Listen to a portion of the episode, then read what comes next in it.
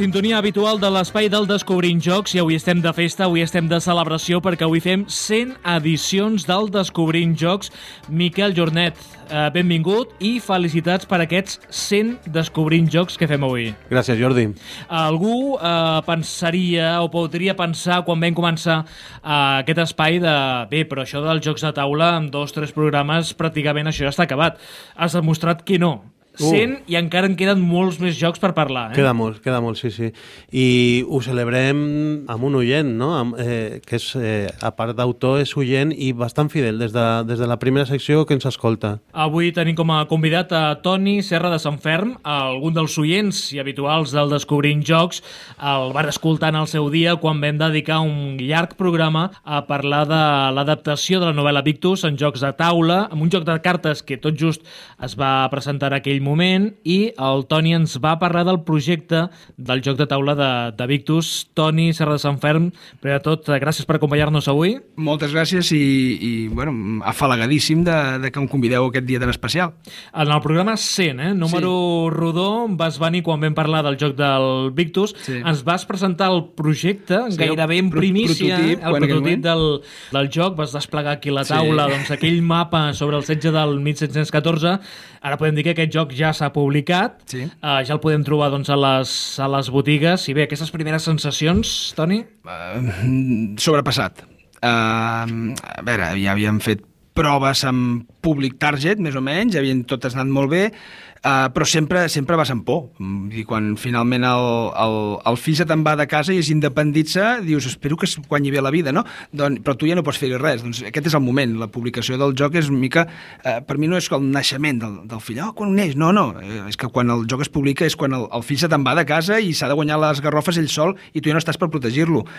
I aquests moments, doncs, la veritat és que les opinions que estic rebent són molt bones, la, el feedback de la gent és, és molt bo, queixes ni una, coses que hem estat recentment, com la subhasta de Jugando espectacular, vull dir que estic encantat de la, de la recepció i de, i de, i de l'acceptació de la gent.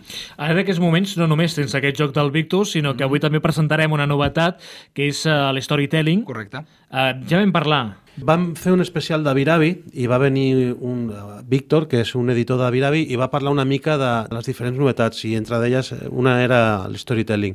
Però té una gràcia especial perquè no ha sortit pel canal normal, que és el canal de l'editor, sinó que l'editor necessitava una embrancida inicial que la va trobar en, en la plataforma Verkami, que ara en parlarem també és una sortida perquè finalment es puguin veure a la llum doncs, determinats projectes, no? aquestes plataformes sí. on la gent doncs, posa doncs, el que pugui no? de, mm. de, de diners aquestes col·laboracions. Sí, sí, sí, vull dir, a veure, jo crec que s'ha de fer servir amb cada recurs que pot tenir al seu abast, a l'autor, a l'editor, qui sigui, amb seny, amb el que correspon, eh? vull dir que cada cosa no és per fer servir qualsevol cosa. I en aquest cas es va voler provar amb un punt de risc, s'ha de dir, perquè no és el tipus de joc habitual, hi havia una, un cert uh, grau de...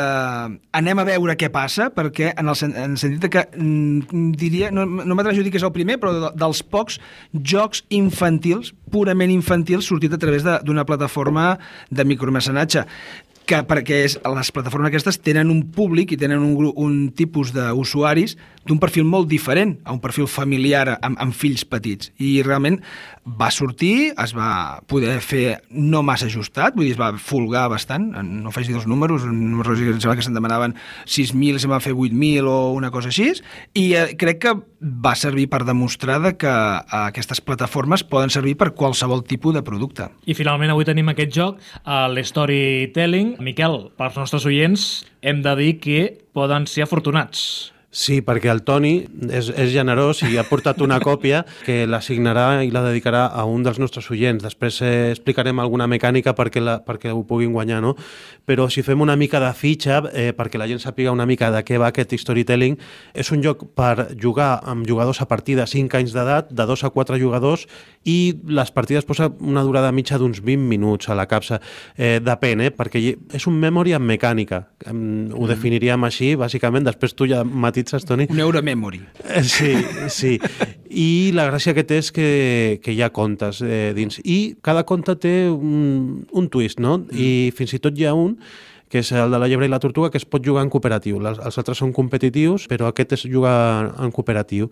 I els altres contes que venen, crec que són tres porquets, la llegenda de Sant Jordi i la Ventafocs. Correcte. O sigui que és una manera diferent d'explicar els jocs als, als nanos, no? I Mm. fent un joc, prenent decisions, que és el que, el que agrada.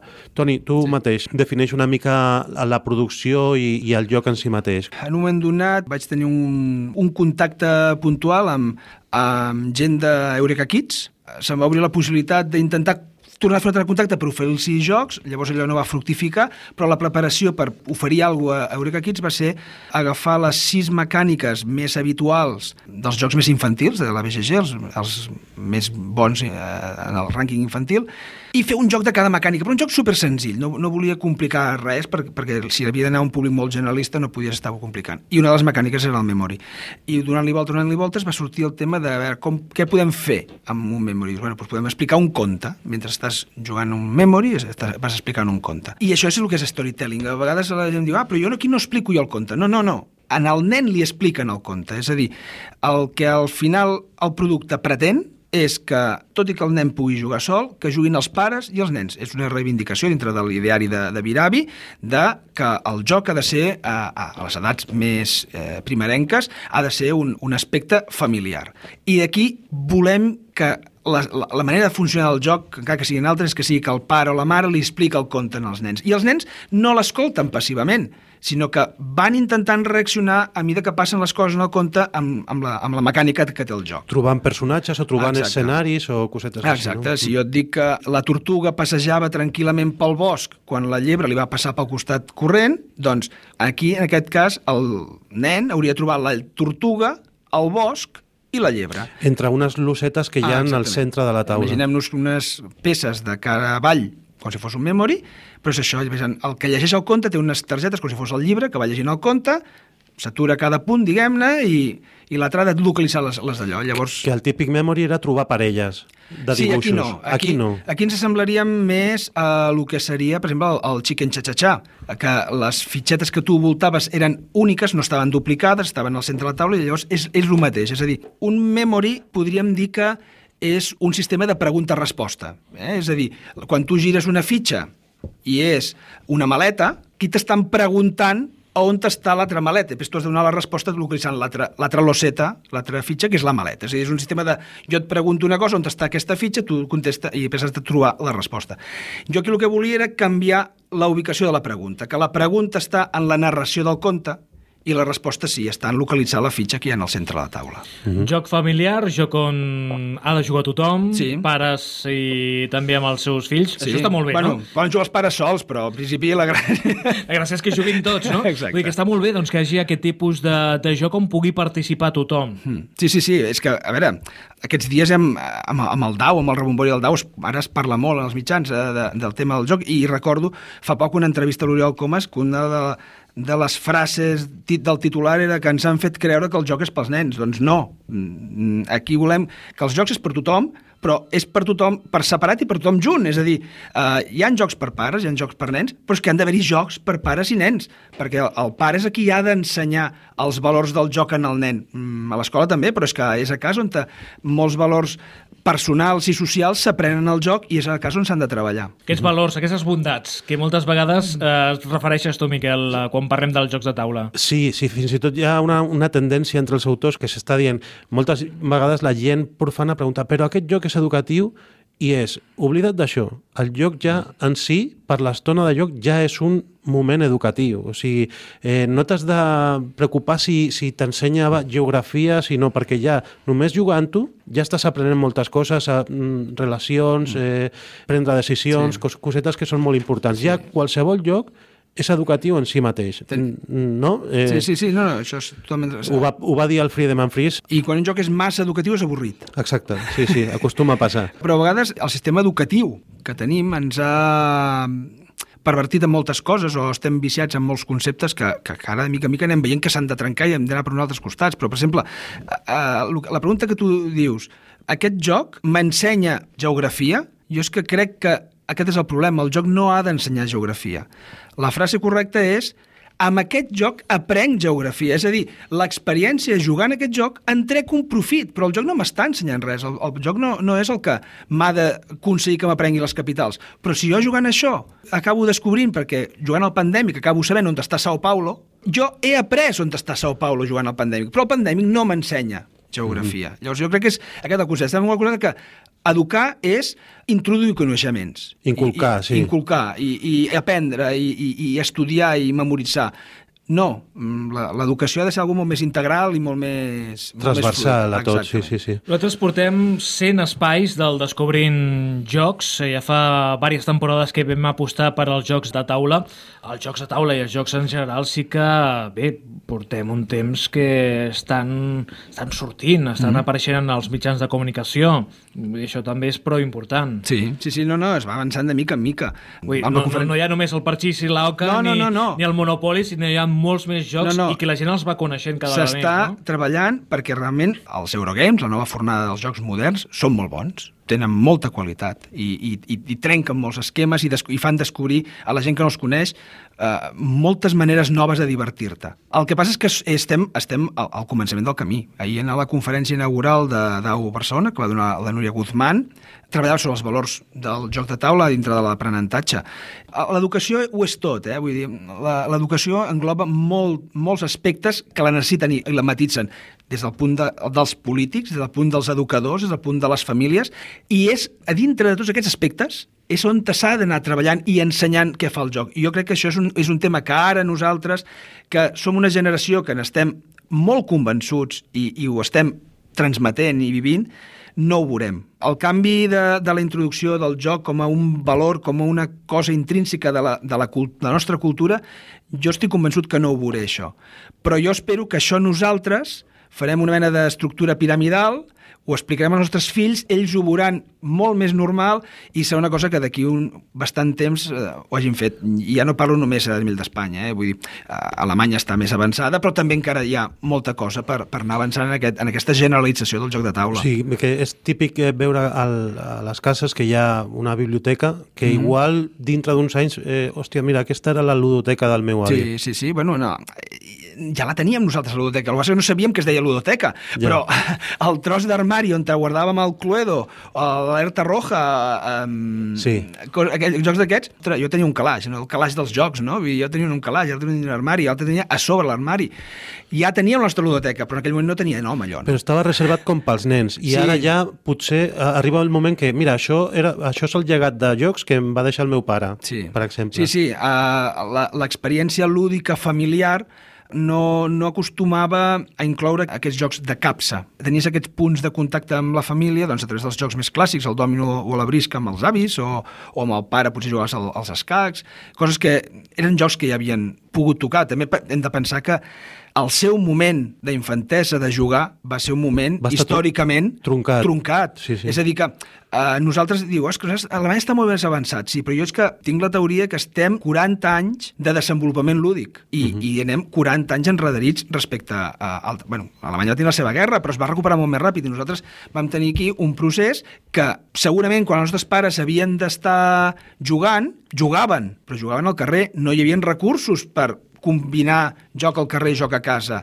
I quan potser hi començaven a ser, ells ja estaven treballant. Uh -huh. i ja han treballat de molt, de molt joves. Llavors, tot aquest aspecte lúdic l'han perdut. I nosaltres, la generació dels 70, que sóc jo, doncs, afortunadament, vam poder començar a recuperar-la. I som la generació que ara estem intentant introduir tot, tot aquest, aquest món, perquè l'hem viscut, és que és la nostra infància. Uh -huh. Estem celebrant avui els 100 programes del Descobrint Jocs. Uh, avui hem convidat a Toni Serra de Sant Ferm, parlant de storytelling, parlant del Victus, abans hem fet uh -huh. un avançament del joc del Victus, i Miquel, 100 edicions, per tant el granet de sorra que també s'ha portat per donar a conèixer uh, aquestes novetats en quant als jocs de taula i també convidar aquí a través d'aquest espai uh, creadors de jocs de taula a il·lustradors, vull dir que això també ha anat molt bé per, per ampliar encara fronteres, no? més fronteres encara. Editors també que han vingut, sí, perquè la figura de l'editor és molt important com, com a la literatura i sí, sí, eh, estem posant el granet de sorra en la divulgació, altres en la creació mm -hmm. i, i, i bueno, gràcies també per venir perquè si no veniu tampoc... Eh, o si us endioseu com a autors, Ui, que a vegades sí, la sí, paraula estem autor té connotacions de- d'allò, però bueno, No, que... tinc el pedestal a casa i l'he deixat allà. Sí, sí, ja. I a més el Toni també eh, teníem especial... Eh, doncs, ens agradava molt doncs, que pogués venir avui perquè, a part com ha comentat abans el Miquel, ets oient d'aquest espai sí. del, del Descobrint Jocs pràcticament des de, des de l'inici. Eh, per això també et volíem convidar avui amb aquest especial número 100. I també avui amb els dos us vull proposar que ens recomaneu jocs de, de cara a aquest Nadal. Tenim l'Storytelling i el Victus, eh, que et posem mm. a les dues primeres posicions de les recomanacions, sí. però n'hi ha moltes més. Què ens recomanaries? Ostres, això... Jo, uh, jo les tinc preparades. Vinga, doncs comença, comença, tu, comences tu i, i el jo Toni s'ho va pensant. vaig, vaig rumiant. Pensa, Miquel, que l'any passat vas recomanar el Sushi Go i va ser un èxit de vendes. I encara no s'ha esgotat perquè el tiratge va ser brutal. I jo deia, s'esgotarà, s'esgotarà, però encara queden a les botigues. O sigui, ha donat un any i encara queden. Mira, justament de Devir, que és l'editora de, del Sushi Go, recomanaria una novetat, és el Terra. És un joc del Friedemann Fries, eh, de l'autor alemany, i aquest joc és eh, com una nova versió d'un joc que tenia abans que es deia Fauna, és com un trivia, però el, el trivia, el clàssic, té un problema, que està descompensat. Està descompensat per, per aquell que, per exemple, sap molt, que és una enciclopèdia andant, doncs aquell mm, juga amb una altra persona que no en sap i, i palma, no? Però aquest altre, tant el Fauna com el Terra, que és la novetat, és un joc que no has de saber, has d'intuir. Et pregunten coses com on hi ha el campanari més alt del món? I tu has de dir, està a aquesta regió o està a l'altra. Pots apostar si està a Sud-amèrica, Nord-amèrica, Europa, on està. Després, quan medeix? En metres. I has d'aproximar-te en una escala que hi ha a sota i dir, doncs jo crec que medeix eh, entre 80 i 100 metres. L'altre no, més de 100 metres. I qui s'aproxima, o sigui, qui ho clava, es porta 7 punts i qui s'aproxima... Seria com el fauna, no? És com el fauna, però aquí són cosetes, en, en comptes d'animals, coses del món, sobretot construccions, eh, països, eh, història... La, la Illa de Pasqua, on està? Quantes eh, estàtues hi ha a la Illa de Pasqua? Ho sabem? Totes aquestes coses que són curiositats i acabes aprenent també, però el lloc eh, no està descompensat en, a, a favor d'aquell qui més sap, sinó que es pot jugar a tota la família. Doncs aquest és un dels primers jocs, un altre, i després el Toni ens fa algunes recomanacions. Sí, mira, eh, recomanaria també el, el Super Rhino. És un joc infantil de la casa Ava, d'aquests que tenen la capsa de color groc, i és un joc de pilar. Jocs de pilar pues, trobem sempre al Llenga. Aquest és un joc que s'apila en cartes i d'una manera molt original han transformat un material com la carta perquè pugui ser apilable i és un joc per, sobretot per jugar amb nens i que estiguin murris i és un joc que m'agrada molt perquè pot guanyar un, pot perdre un si fa caure l'estructura o poden guanyar tots si s'han acabat totes les parets i, i han aconseguit eh, construir l'edifici. O sigui que té aquesta cosa que, que també està bé, que a vegades eh, pot haver una partida que és molt difícil, eh, sobretot que guanyin tots, perquè, perquè que s'acabin les parets vol dir que has fet un edifici, has tirat un edifici molt alt i que no se t'ha caigut i que has tingut tota aquesta habilitat. Està prou bé. Terra, Super Rino, Toni? Bueno, em parlaré de 5, són els 5 que ja se m'ha ocorregut, per tram, no trams d'edat, no, per, per tipologia de, de, de jugador. Eh?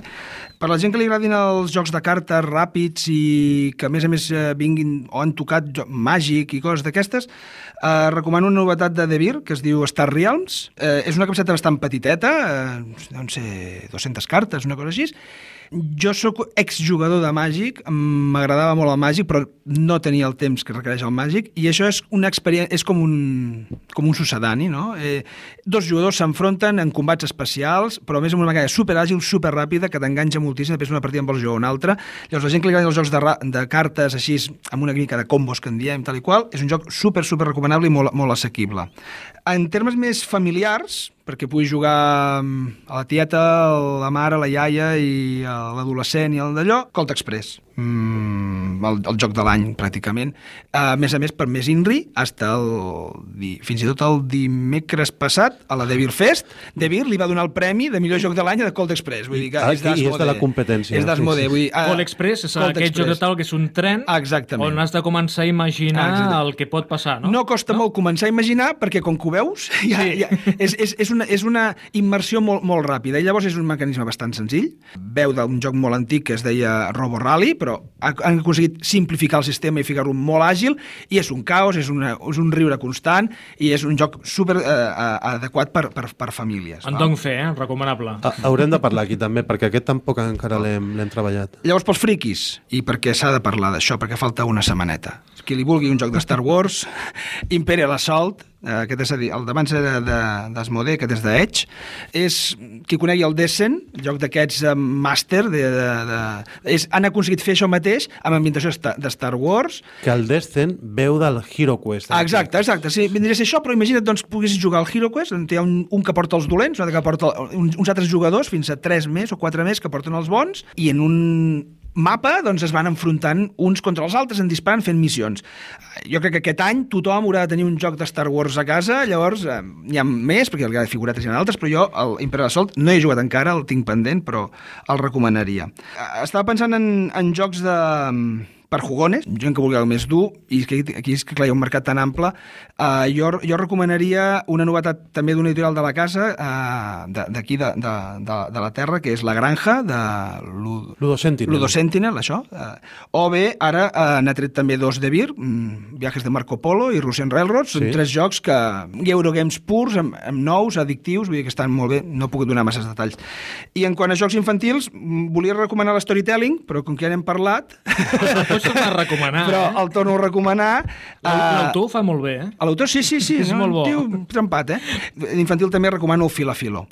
doncs aquestes són les recomanacions eh, que fem. Uh, hem parlat de l'storytelling. Hem dit abans, uh, Miquel, doncs, que avui el Toni ens signarà un exemplar de l'storytelling que el sortejarem, no ara, sinó el sortejarem ja a partir del mes de gener. Eh? Ja parlarem sí. com podeu aconseguir aquest uh, storytelling signat per l'autor, Sí, per tant, ara aturarem boli al Toni perquè ens signi uh, aquest llibre, ai, aquest llibre, estem acostumats a que ens signin llibres, aquest joc de taula, l'Storytelling, avui que celebrem les 100 edicions del, del Descobrint Jocs i, Toni, agrair-te moltíssim doncs, que avui hagis volgut venir aquí a la ràdio. Mm, agraït jo. I, Miquel, seguirem parlant més jocs, no s'acaba aquí això, no? Eh, no, eh, això ha de continuar i ens agradaria aquesta pausa poder continuar després. Continuarem, no?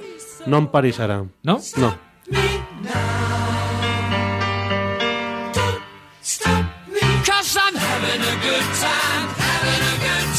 shooting star leaping through the sky like a tiger, defying the laws of gravity.